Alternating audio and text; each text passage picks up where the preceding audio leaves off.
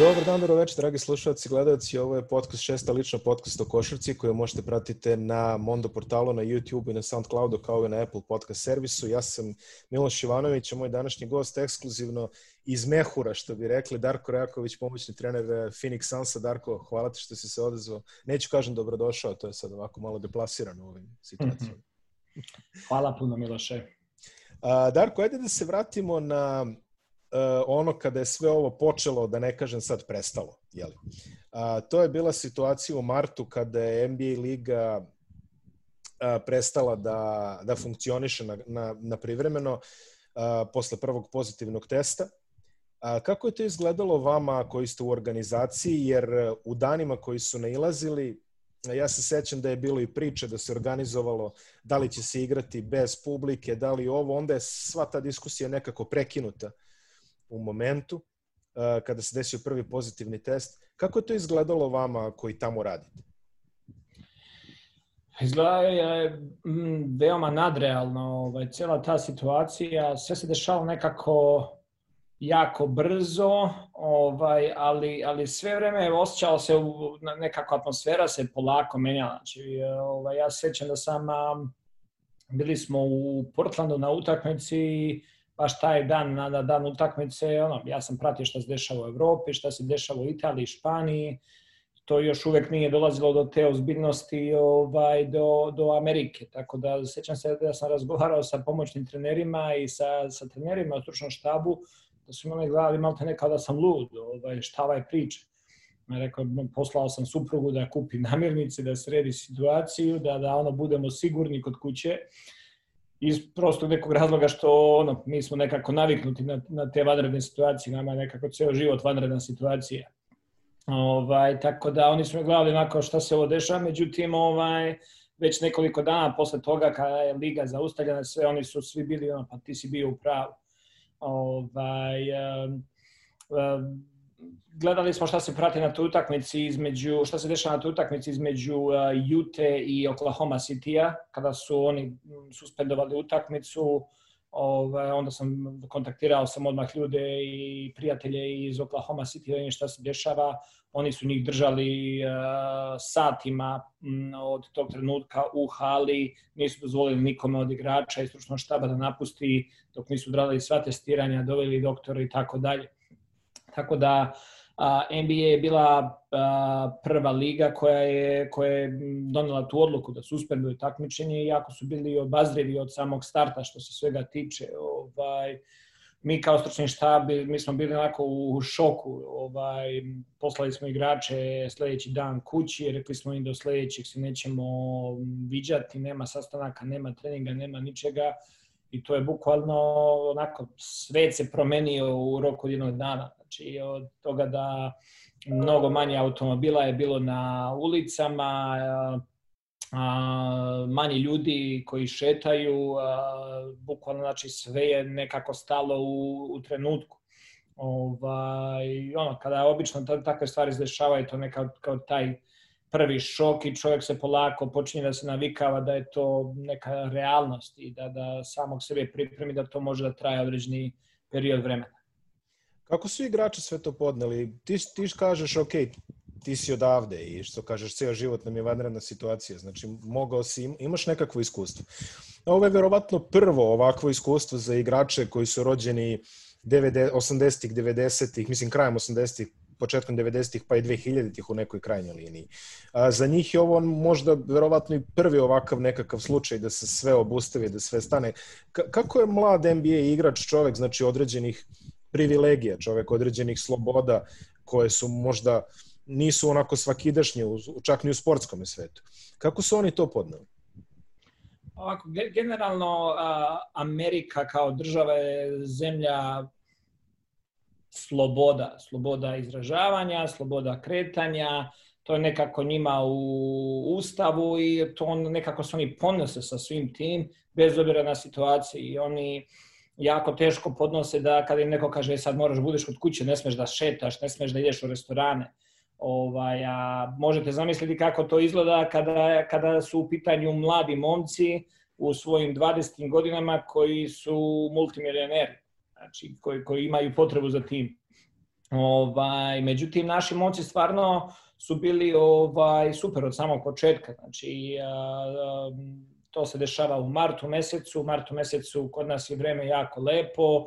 U Phoenixu to je 25-30 stepeni svaki dan i svi ti momci imaju kuće sa velikim bazenima, ovaj, tako da nekako njihov karantin je malo drugačiji nego, nego običnih ljudi. Ali sama, sama ta činjenica da ne smeš više da ideš u restoran, da su restorani zatvoreni, da su shopping molovi zatvoreni, da, da moraš da budeš upućen na sebe i na, na svoje ukućane, ovaj, velika stvar. Uh, recimo, Devin Booker, on nije napustio kuću u periodu, ja mislim, od 5-6 nedelja, uopšte nije izlazio van kuće. Ovaj, jako je ozbiljno shvatio tu celu situaciju. Dosta igrača su bili u tom istom ovaj, u istom tom mindsetu, tako da a, da je lako nije, ovaj, a da je moranje jeste moranje, tako da, da nekako smo se svi privikli na to neko u našoj glavi privremeno stanje ovaj, i pratili smo sva upustva koje su dolazili od strane a, NBA lige. U celoj situaciji smo, znači, stvar, najbitnija stvar je bilo samo da, a, da se sačuva zdravlje, svih e, u klubu, kao i članova porodice i mogu reći da u velikom delu smo u, tome i uspeli u tom nekom prvom naletu. A, mnogo ljudi ovde nema baš najbolju ideju kako je profesionalni klub u NBA funkcioniše. Ja sam imao neke prilike da vidim male delove toga, e, kako je sve to organizovano. Sećam se kada sam recimo pričao sa Nemanjom Bjelicom da mi on pokazivao kako postoji automatski servis SMS poruka, trening sutra, autobus, ovoliko, ovoliko, budi na tom mestu i tako dalje. Um, ali kako izgleda odgovor lige u ovako organizacije, u ovako jednoj složenoj situaciji kakva je ova? Uh, kada je sve krenulo da se dešava, nekako svi smo gledali u, u, u ligu Jadana Silvera za, za uputstvo, za, za, za neku, neki guidance, šta treba da se dešava, kako treba da se ponašamo i tako dalje. I stvarno, Liga je odradila fantastičan posao da su od samog starta bili jako obazrivi, ali isto tako su imali veliki broj a, svetskih stručnjaka koji su doktora, koji su, sa kojima su se savetovali, ovaj, i pravili su neki plan. Ovaj, u isto vreme oni nisu želeli da donesu nikakve ishitrene odluke da će potpuno da zatvore sezonu da se ne igra ili da kažu je vraćamo se za tri nedelje pa ćemo da igramo. Nego su onako trudili se da nauče i da se edukuju što je moguće više, da saznaju. Ipak se prvi put nalazimo u ovakvoj situaciji i e, prvi put se dešava da, da imamo pandemiju i da je jedan virus koji je sasvim drugačiji od svega što, što smo do sada znali. Tako da su jako bazljivo prišli svemu, da su želeli da saznaju sve što je moguće više informacija da bi mogli da donesu uh, ispravnu odluku. Ovaj, uh, od, bilo sve na stolu bilo, znači da će sezona da počne početkom jula meseca, u avgustu mesecu, da će eventualno u septembru biti ovaj, ili da se neće igrati uopšte. I sve je to bilo na stolu do recimo te neke dve, tri nedelje pre donošenja odluke gde smo počeli već da dobijamo informacije da Liga radi na tome da obezbedi uslove da se, da se vrate timovi i da završe ovu sezonu, ali u ovom nekom konceptu da, da budemo u, na jednom mestu i da svi timovi ovaj, a, a, mogu da igraju na jednom mestu. Koliko je teško bilo vratiti se u te tokove, dnevne košarkaške tokove, da tako kažem, nakon svega što se izdešavalo, neki igrači su, kao što je poznato, imali i porodične tragedije širom lige koliko, je, koliko je teško preorijentisati se od e, smak sveta nastavak sezone? A, teško jeste iz prostog razloga što, što odjednom mindset mora ti bude napuštaš porodicu, bit ćeš udaljen od porodice, nećeš biti sa svojima ovaj, određeno vreme, a, za neke timove to je 5-6 nedelja, za, za neke timove bit će i 3-3,5 meseca, Tako da je, da je to onako vanredna situacija sasvim drugačije, znači mindset mora bude i pristup ovaj, celoj, celoj situaciji. Um, taj deo je jako, jako težak, ali drugi deo je mi radimo ono što volimo. I igrači, i treneri, i, ovaj, i svi smo, ovo je nekako za nas sve je ovo ventil. Znači mi kada smo zajedno, mi kada treniramo, mi kada igramo utakmice, za nas ne postoji ništa s polja. Znači trudimo se da blokiramo sve te stvari i da budemo skoncentrisani na ono što volimo, tako da, da to je neka vrsta bekstva od realnosti za nas, što je u neku, u neku ruku i, i dobro. Ovaj, jer zaista možemo da budemo fokusirani na sebe, na, na košarku, na razvoj i mm, u slučaju naše ekipe, ne mogu da pričam za sve ekipe, ali u slučaju naše ekipe momci su fantastično to prihvatili. Svi su srećni da, da smo imali priliku da se vratimo, da treniramo zajedno, da provedemo nekoliko nedelja u Phoenixu u treningu i da dođemo ovde u Orlando ovaj, da nastavimo i, i dobar trening i dobro druženje i da radimo na, na toj unutrašnjoj hemiji ekipe, tako da, da taj deo nam svima a, je lako pao. I ono što stvarno koristimo vreme sada jeste da provodimo što je moguće više vremena zajedno, kako bi nadoknadili taj neki nedostatak porodice. Ovaj, tako da, da socijalizacija je na distancu, ali, ali je kvalitetna. Uh, ovo je za tebe kao trenera u, u jednu, u neku ruku, a pošto je poznato da pogotovo pomoćni treneri provode jako puno vremena sa, sa igračima u radu na treninzima, tako to barem izgleda u NBA-u, koliko je ovo bio zapravo veliki ispit za tebe, održati kontakt, socijalizaciju i tu neku hemiju u ekipi dok niste trenirali 2-3 meseca? Uh, ja zaista imam blizak kontakt sa, sa svim igračima u ekipi i ovaj, mi smo bili, da kažem, u svakodnevnom kontaktu tokom cele situacije.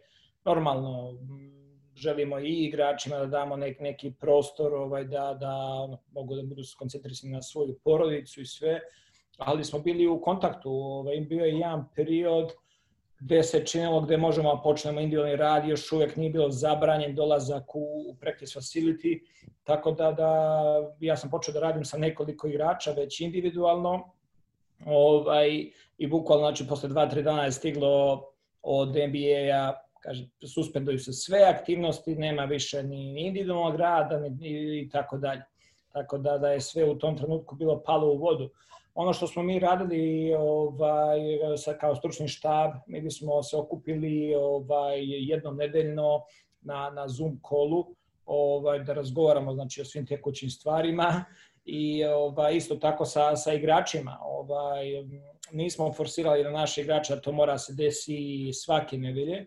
Nekako smo prirodno to ovaj, uh, hendlovali sve i ovaj, održavali smo kontakt sa njima, što je, što je njima jako značilo da vide da je, da je tim tu za njih i da želimo da im pomognemo u svakom mogućem a, smislu. Tako da je, da je bilo to je dosta onako ovaj, dosta dobrih stvari, pozitivnih stvari i svega toga izašlo. Ovaj, mislim da su se naše veze još više produbile tokom a, tog perioda i ovaj ulazimo u, u, u ceo ovaj proces sada onako više, još više Mm, sa, sa nekim zajedničkim duhom.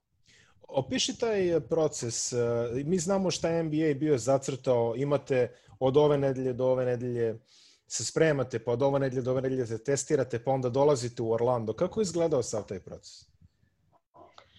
Da, pa kada su nam dozvolili da, da krenemo sa individualnim trenizima, nekako baš u tom periodu broj slučajeva u Arizoni je počeo naglo da raste. Znači, veći deo pandemije mi smo bili ok. Primer radi, Arizona je država sa 7 miliona stanovnika, manje više kao i, i Srbija. I mi smo imali u tom nekom prvom periodu 400-500 slučajeva dnevno, pa je to bilo palo na 200, na 100 slučajeva dnevno ovaj, i nekako sve se to kretalo u, u nekom dobrom smeru. Međutim, kada je nama otvorena sala i kada smo počeli da, da treniramo, taj broj slučajeva je krenuo da raste jer je tada su krenuli polako da otvaraju državu ponovo, da dozvoljavaju da restorani rade i onako bilo je tu zloupotreba sa strane dosta nekih studenta i mladih ljudi koji su i organizovali žurke i tako dalje. Ovaj, ali ono što smo mi radili, naš stručni štab i, i igrači, mi smo imali a, bilo je dozvoljeno da na terenu u isto vreme smeju da budu samo dva igrača, ali na odvojenim koševima i samo smeju da budu sa jednim trenerom a, da rade individualno, bez fizičkog kontakta, rastojanje minimum 2 metra, mi moramo da nosimo rukavice i maske na licu i onako stvarno smo vodili računa ovaj, u celoj hali, ovaj, rasporedili smo igrače da nikada ne sede blizu jedan drugome, da, da nema te, te fizičke, fizičkog kontakta među njima i ovaj, imali smo a, sat vremena za svakog igrača. Znači, sat vremena treninga, i onda smo imali 15 minuta gde između svakog igrača koji su se rotirali na terenu morala da se očisti kompletna hala. I parket, i sva sedišta, i sve lopte, sve je moralo da se dezinfikuje da bi nova dva igrača mogla budu na terenu. Ovaj, nama kao mladom timu ta, to je jako dobro došlo. Znači imali smo mogućnost da, da igrači rade teretanu, da rade na svom telu, i da budemo fokusirani na, na taj neki individualni razvoj gde tokom sezone jednostavno nemamo dovoljno vremena da se fokusiramo na to. Tako da su igrači jako dobro to prihvatili i ja sam zaista uživao jer me to mnogo podsjetilo na, na moje dane ovaj, kada sam radio u Evropi kao trener gde je taj individualni rad nekako bio na jako visokom nivou iz prostog razloga što smo imali dosta vremena da se posvetimo tome. Ovaj, onako, da li bilo vam je super, da uživali smo u tome, ovaj, taj period je trajao nekih pet nedelja pre nego što je dozvoljeno da ovaj, pre nego što je bilo obavezno da svi igrači mora da se vrate ovaj, nazad i da, da treniraju sa ekipom. Ovaj. Ali ceo proces je bio onako prilično bezbolan i efikasan za, za sve. Stigli ste u Orlando, ti se javljaš iz, eh, iz svoje hotelske sobe. U prvih e, nekoliko dana bilo je raznih informacija koje dovode igrači, ovome se ne sviđa hrana, Meyers Leonard koji naručuje ono, course light u sobu i, ove, ovaj, i sve to slično. Znači imaju ovakvih i onakvih informacija. Kako tebi izgleda ceo taj, ovaj, celo to iskustvo? Um, treba razumeti da način pripreme hrane u, u ovde u Orlandu, hotelima, a, mora da prati određene procese. Znači, a, nema ono kao sad ćemo organizujemo bafe, švedski sto i svi da uzima istu kašiku i da znači, vodite računa o, o zdravlju svih učesnika. Tako da, naročito prva dva dana kada smo morali da budemo u karantinu u svojim sobama, nama su donosili hranu u naše sobe i ta hrana sva je pripremljena tako da nije bilo fizičkog kontakta a, kuvara ili, ili a, konobara u dodiru sa hranom. Znači sve je moralo da bude u plastičnim posudama, da a, specijalni proces pripreme hrane. Znači samim tim jako su ljudi bili ograničeni kako su mogli da pripreme tu hranu i morali su da prate ta uputstva. Ovaj, a, Tako da standard za, za neke momke koji su navikli da imaju šefove, da, da imaju kuvare kod kuće, da im uvek spremaju ovaj, fantastičnu hranu od najboljih mogućih namirnica, ovaj, to ih nije sačekalo ovde. Ovaj, tako da je to bilo za njih ovaj, neka razlika. Za, za mene ja nisam imao nikakvih problema, ovaj, jer smo od samog starta imali nekoliko izbora između uh, glavnog jela, nekoliko različitih salata, supa, znači meni je hrana bila sasvim ok, ne, nemam na šta se žalim tu. Ovaj, um, naravno, i moja žena kuva mnogo lepše kod kuće, ovaj, uh, sigurno da bi mi to više prijalo, ali, ali ovaj, nije, nije toliko loše kao što su neki predstavili. Pa pretpostavio sam, ali eto, dobro je, dobro je čuti. Kako izgleda ovaj, e, socijalizacija unutar tog kompleksa? Jer vi možete da se družite na nekim mestima ili kako se, kakvi su tu protokoli stavljeni? A, protokoli su takvi da imamo restoran u našem hotelu, znači prvih 10 dana, tačnije 15 dana od dolaska hotel, pošto imaju tri različita hotela, i u tri hotela su smešteni po nekih 6-7 ekipa. Ovaj, između hotela je, nije bilo dozvoljeno da se cirkuliše. Znači sve, sve su smeli na, na minimum da bi se zaštitili svi, da bi testiranja prošla kako treba i da, da bi se sačuvalo a, a, zdravlje svih igrača i učesnika. Tako da ovaj posle tih 15 dana sada nam je dozvoljeno da prelazimo iz hotela u hotel, ima autobus, šatle koji ide na svakih 20 minuta i vozi nas između hotela hotela, tako da sada u okviru celog kampusa možemo da, da se krećemo. Ovaj, u restoranima je limitiran broj sedišta, odnosno mesta, ovaj, napravljena je rastojanje, recimo sto koji može da osam ljudi sedne, sada je dozvoljeno samo tri osobe da sede za tim stolom. Međutim, kako vreme sada prolazi i kako znamo da su svi negativno testirani ovaj, u kampusu, onda dozvoljavaju da bude i malo veća grupa od 4-5 osoba za, za stolom i da takođe da se zadrži to rastojanje i distanca. Svi konobari, svi ljudi u hotelu sve vreme nose maske i one a, plastične one, one vizire. vizire. Tako da ovaj, vodi se računa da i oni, pošto to su ljudi koji izlaze van kampusa, idu svoje kući da spavaju pa se vraćaju na posao, i oni imaju određene jako stroge ovaj principe da oni ne smeju da idu nigde van svoje kuće i posla. Ovaj tako da sve mere moguće su preduzete da bi se sačuvalo sa, sa, sačuvalo zdravlje ovaj svih učesnika ovde. A, kada odemo u restoran ili u taj lokal gde možemo da, da kupimo kafu, dozvoljeno da sedimo u lobiju, ovaj, sem kada se pije kafa, onda se skida maska, inače sve vreme, bez obzira što su svi negativni, znamo da je zdravstveno stanje unutar kampusa jako dobro, svi nose ovaj, maske na licu sve vreme i to je neka dodatna dodatna mera koja, koja omogućava da se sačuva zdravstveno stanje na, na visokom nivou. Ima nas ovaj, Srba, jedno desetak, čini mi se tamo, da zajedno sa svim igračima i treniramo. Jeste uspostavili već neku komunu u kampusu ili kako to izgleda? Kako ne, ovaj, tu smo, u mom hotelu smo u ovaj, Sakramento, znači tu je Vlade, a, tu je Bogdan, a, Bjelica, ovaj, družimo se on, malte ne svaki dan, kafica ili odemo na, na, na večeru zajedno, ovaj, tako da Tako da sigurno, sigurno viđamo. Stoji u ovom periodu sada ne krenu zvanične utakmice, još uvek se družimo kad krenu zvanične utakmice i krene borba za play-off. Ne znam da ćemo, da ćemo biti u tako prijateljskim odnosima. A šta misliš kako to može da utiče? Ovaj, generalno, vi ste sad ono, ovo je bukvalno ko pa, boga mi ne znam baš, ni, ni na svetskom prvenstvu ne sedite sve u istim hotelima, tako da ovaj, dosta je čudna neka atmosfera. Mislim, postaće, sad, je, sad ste prijatelji. Ne, ba, na, šalim se naravno, da. Ovaj, super je, šu, super je organizovano iz prostog razloga što kažem, u našem hotelu je sedam ekipa, viđamo se svaki dan, tu smo zajedno i treneri i igrači, ovaj, a, a, imamo otvorene bazene, imamo trenerske terene, imamo jezero gde možemo da idemo na, da, da pecamo ribu, da budemo na brodu, ima dosta nekih tih aktivnosti gde možemo da provodimo zajedno i van, van znači, terena, ali o, dani prolaze brzo. Između sastanaka, treninga, pripreme za utakmicu, gledanja videa i analiza i tako dalje, dani prolaze jako brzo ovaj, i ono, svi smo jako uzbuđeni što će konačno krenu ove zvanične utakmice i mislim da će biti jako, jako zanimljivo gledati ove utakmice koje dolaze.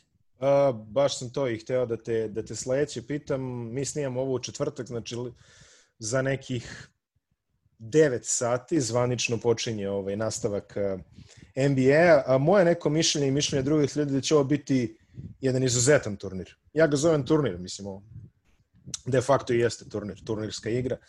A, nema domaćeg terena, nema publike, znači bukvalno biće košarka u svojoj esencijalnoj formi. Ono što, što je sasvim drugačije jeste da nema prednosti domaćih terena, a, nema putovanja, znači nama do hale treba 10 minuta autobusom, nema dugačkih letova, nema nikakvih distrakcija, a, svi su maksimalno samo fokusirani na, na košarku. I ovaj, to je ono što mislim da će doprineti da da kvalitet da košarke bude na jako visokom nivou, ovaj, od toga da a, pripreme za utakmicu mogu da, da, da budu jako kvalitetne, jako dobre. A, mi smo recimo igrali utakmicu protiv Toronta pred dva dana, juče smo imali slobodan dana, ali smo iskoristili to da gledamo video, da se pripremimo za prvu utakmicu, da se sastanemo sa igračima, igrači su imali terapije, igrači su proveli vreme zajedno, imali su obrok svi zajedno, tako da nekako da smo u Phoenixu ili da smo negdje na putu, to se ne bi desilo. Znači, igrači bi imali slobodan dan de facto i no, ne, bi se, ne bi se videli. Tako da mislim da da će, da će biti jako interesantno. Turnirski deo ovih osam utakmica koje treba da se odigraju, isto tako mislim da će biti jako interesantno. Naročito na zapadu gde je tu u igri za, za to osmo mesto, gde je u igri 5-6 ekipa, gde će svaka utakmica mnogo značiti i svi timovi ovaj, imaju i šansu i, i veliku želju da, da pokušaju da naprave taj ulazak u play-off. Tako da mislim da će i taj deo biti jako, jako interesantan, a odmah posle toga sledi play-off gde, gde sve ekipe koje budu u play-offu mislim da su imali svi dovoljno vremena da uđu u kondiciju, da se pripreme, da, da ovaj prođu kroz te utakmice. Mislim da će kvalitet play-offa biti na, na vis, visokom nivou. Pričamo malo sada o Phoenixu. Pre godinu dana ti si bio sveže prešao iz, kad smo pričali posljednji put, iz iz Oklahoma u Phoenix. Rekao si da si dobro upoznat sa projektom koji se tu sprema, da želiš da budeš deo toga i kako ti sad to izgleda godinu dana nakon? Uh, jako sam zadovoljan. Uh, mlada ekipa koja bukvalno iz nedelje u nedelju raste i razvija se. Uh, jedan projekat koji je onako meni jako drag iz prostog razloga što mogu da pratim i da vidim kako utičemo na te mlade momke i kako oni prihvataju stvari, kako se razvijaju i kako tim dobija nekako drugačiju fizionomiju. Mislim da su napravili veliki posao u ovoj prvoj godini, od potpisa Ricky Rubija, koji je bio MVP svetskog prvenstva, od Darija Šarića, koji je odigrao odličnu sezonu za nas, Aaron Bainesa, koji je bio, da ne kažem nekako to iznenađenje, a, ne, ne, čak ne želim ja pričam o Devinu Bookeru, koliki je on napredak pokazao i DeAndre Ayton. I bez obzira na sve povrede koje smo imali, sve probleme koje smo imali tokom sezone, uspeli smo da, da napravimo jedan veliki korak u odnosu na prethodne godine ove organizacije i da postavimo jedan do, jako dobru, dobru bazu, jako, jako jedan dobar temelj za ono što tek treba da, da usledi.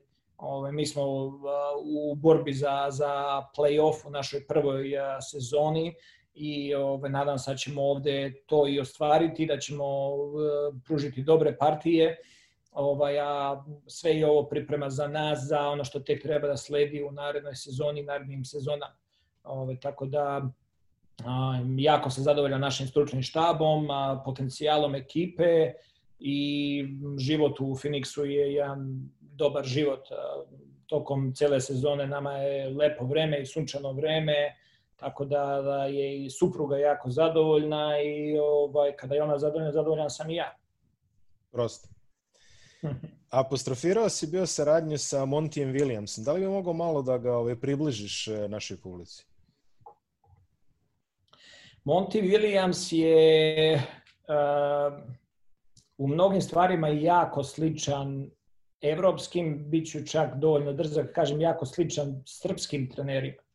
Ovaj, način kako vodi ekipu, njegov autoritet, autoritet znanja je, je na jako visokom nivou.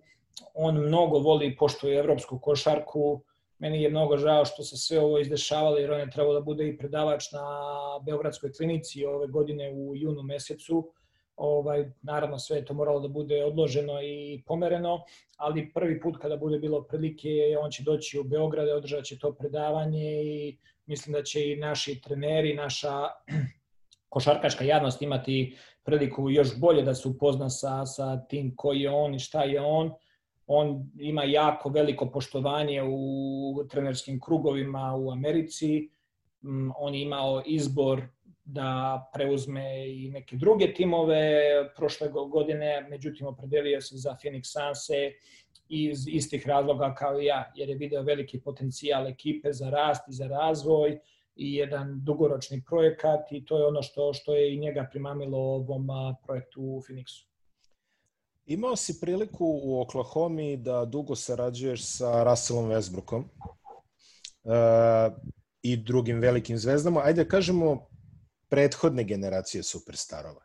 Sada u Phoenixu imaš priliku da radiš sa Bukerom, uh, koji je neka nova generacija superstarova. Kakve razlike ti vidiš između ta, između ta dva ovaj, između te dve generacije, da se tako izrazim? Iskreno da budem, ne vidim mnogo razlike. Ovaj, iz prostog razloga što a, želja za napretkom, želja za dokazivanjem, ta neka glad za uspehom je nešto što je identično i kod Rasela i kod Kevin Duranta i sada kod, kod Devin Bookera i Mikel Bridgesa. Ovaj, to, su, to su momci koji stvarno vole košarku, koji su jako posvećeni, koji mnogo vremena provede u, u individualnom radu i radu na svojoj igri i na kraj krajeva momci koji sve će da učine na terenu da bi došli do, do, do pobede. I to je neka, neka zajednička karakteristika. Ovaj, naravno, košarka, se, košarka kao b, timski sport je drugačiji sada nego što je bilo pre 10 godina ili pre 15 godina menja, menjaju se i pravila, menja se i stil igre, ovaj, tako da to je nešto što još više utiče na, na ove momke da, da budu još više tehnički obučeni, taktički obučeni i da budu jako, jako sposobni u igri jedan na jedan. Tu, iskreno da budem, mislim da je u ovoj novoj generaciji, mislim da je Devin Booker jedan od najboljih igrača u 1 na 1 i u pick and roll igri, ovaj, koji ima i post-up igru, i pick and roll igru, i mid-range, i šut za tri poena, onako jako, jako je raznovrsan kao, kao strelac i ovaj, bez ura koliko je njegov otac Melvin Booker bio dobar, mislim da je, da je Devin ga već odavno prerastao. Pa dobro, da. Melvina Bookera na kraju više pamtimo iz nekih partija po Italiji, čini mi se. Ovaj, drugo, ovog ćemo pamtiti kao NBA All-Stara. Da premotamo opet još samo malo u prošlost, ovaj, bio si deo srpske reprezentacije stručnog štaba na svetskom prvenstvu 2019. Prošlo je dovoljno distance, desile su se određene promene. A, šta ti misliš, gde je zapelo tu u Kini? Po tvom neko mišljenju. Uh. A, prvo mislim da, da su svi igrači dali sve od sebe. Mislim da je, je Sale odradio odličan posao u pripremi ekipe tokom celog znači, ciklusa, znači ne samo ove godine, nego i prethodnih godina. Meni je bila velika čast da, da budem deo te ekipe, da predstavljam svoju zemlju i da učestvujem na, na svetskom prvenstvu i na tome sad ću biti uvek zahvalan i Saši na pozivu i Košarkaškom savezu Srbije na, na celoj podršci i to je bilo jedno fantastično iskustvo generalno za mene. Naravno, svi smo želeli da, da dođemo do, do medalje, da dođemo do tog zlata i smatrali smo da je pravi trenutak za to.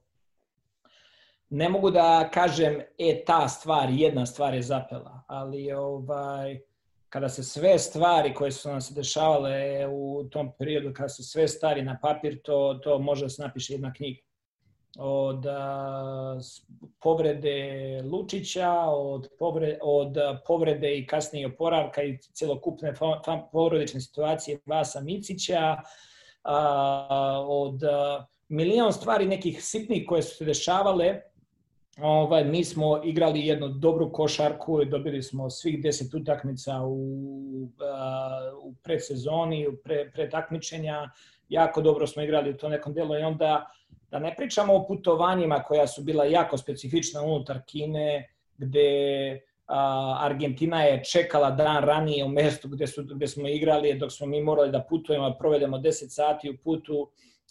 Ne želim da ovo zvuči kao opravdanje, ali sve te nekako stvari zajedno kada se, kada se sklope, dovelo je do toga da jednostavno Argentina odigra bolju utakmicu od nas. I to je sport, to je košarka. Znači, ne treba tražiti jednog krivca ili svaliti krivicu na igrača ili, ili na glavnog trenera, to je sport, to se, to se dešava ovaj, s vremena na vreme.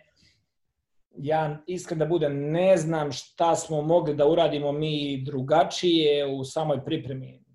Ne trebali da pričamo o tome da nismo imali Miloša Teodosića, playmakera koji je obeležio celu generaciju, mm, da nismo imali ovaj, Gagija Milosavljevića koji je povredio koleno, koji mnogo znači toj, toj ekipi.